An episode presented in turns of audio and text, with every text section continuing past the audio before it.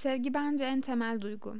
Diğer bütün duygular bir şekilde sevgiye bağlanıyor. Mesela hayatımızın ilk anından itibaren bize sevgiyle bakanlara güven duyuyoruz.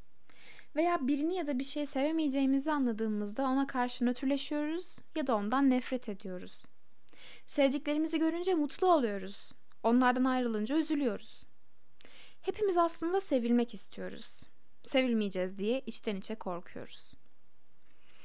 Sevebilmek için önce kendimizi sevmeliyiz. Bu aynı uçaklarda acil durum anında söylenen önce kendi maskenizi ardından çocuğunuzun maskesini takın e, önerisindeki mantıkla aynı. Önce kendimizi koruyacağız ki başkalarını koruyabilelim. Önce kendimizi seveceğiz ki başkalarını sevebilelim. Birini sevmek, birini ya da bir şeyi sevmek ona en pozitif duygularımızı göndermek demek bence.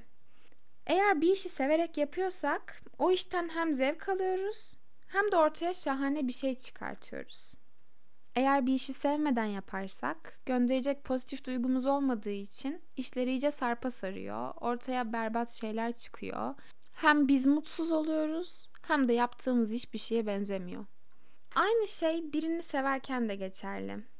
Her şeyde olduğu gibi birini severken de yanlış tercihler yapabiliyoruz.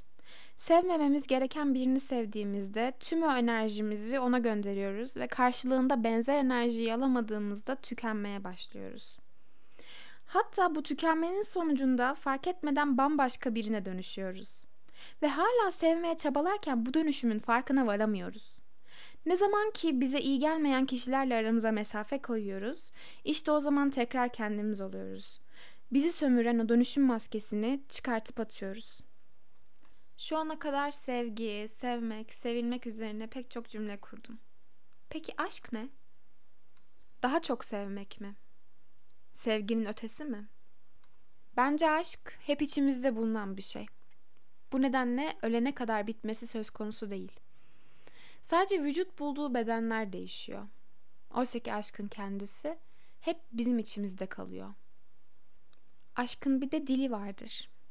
Halk arasında ona şiir diyoruz.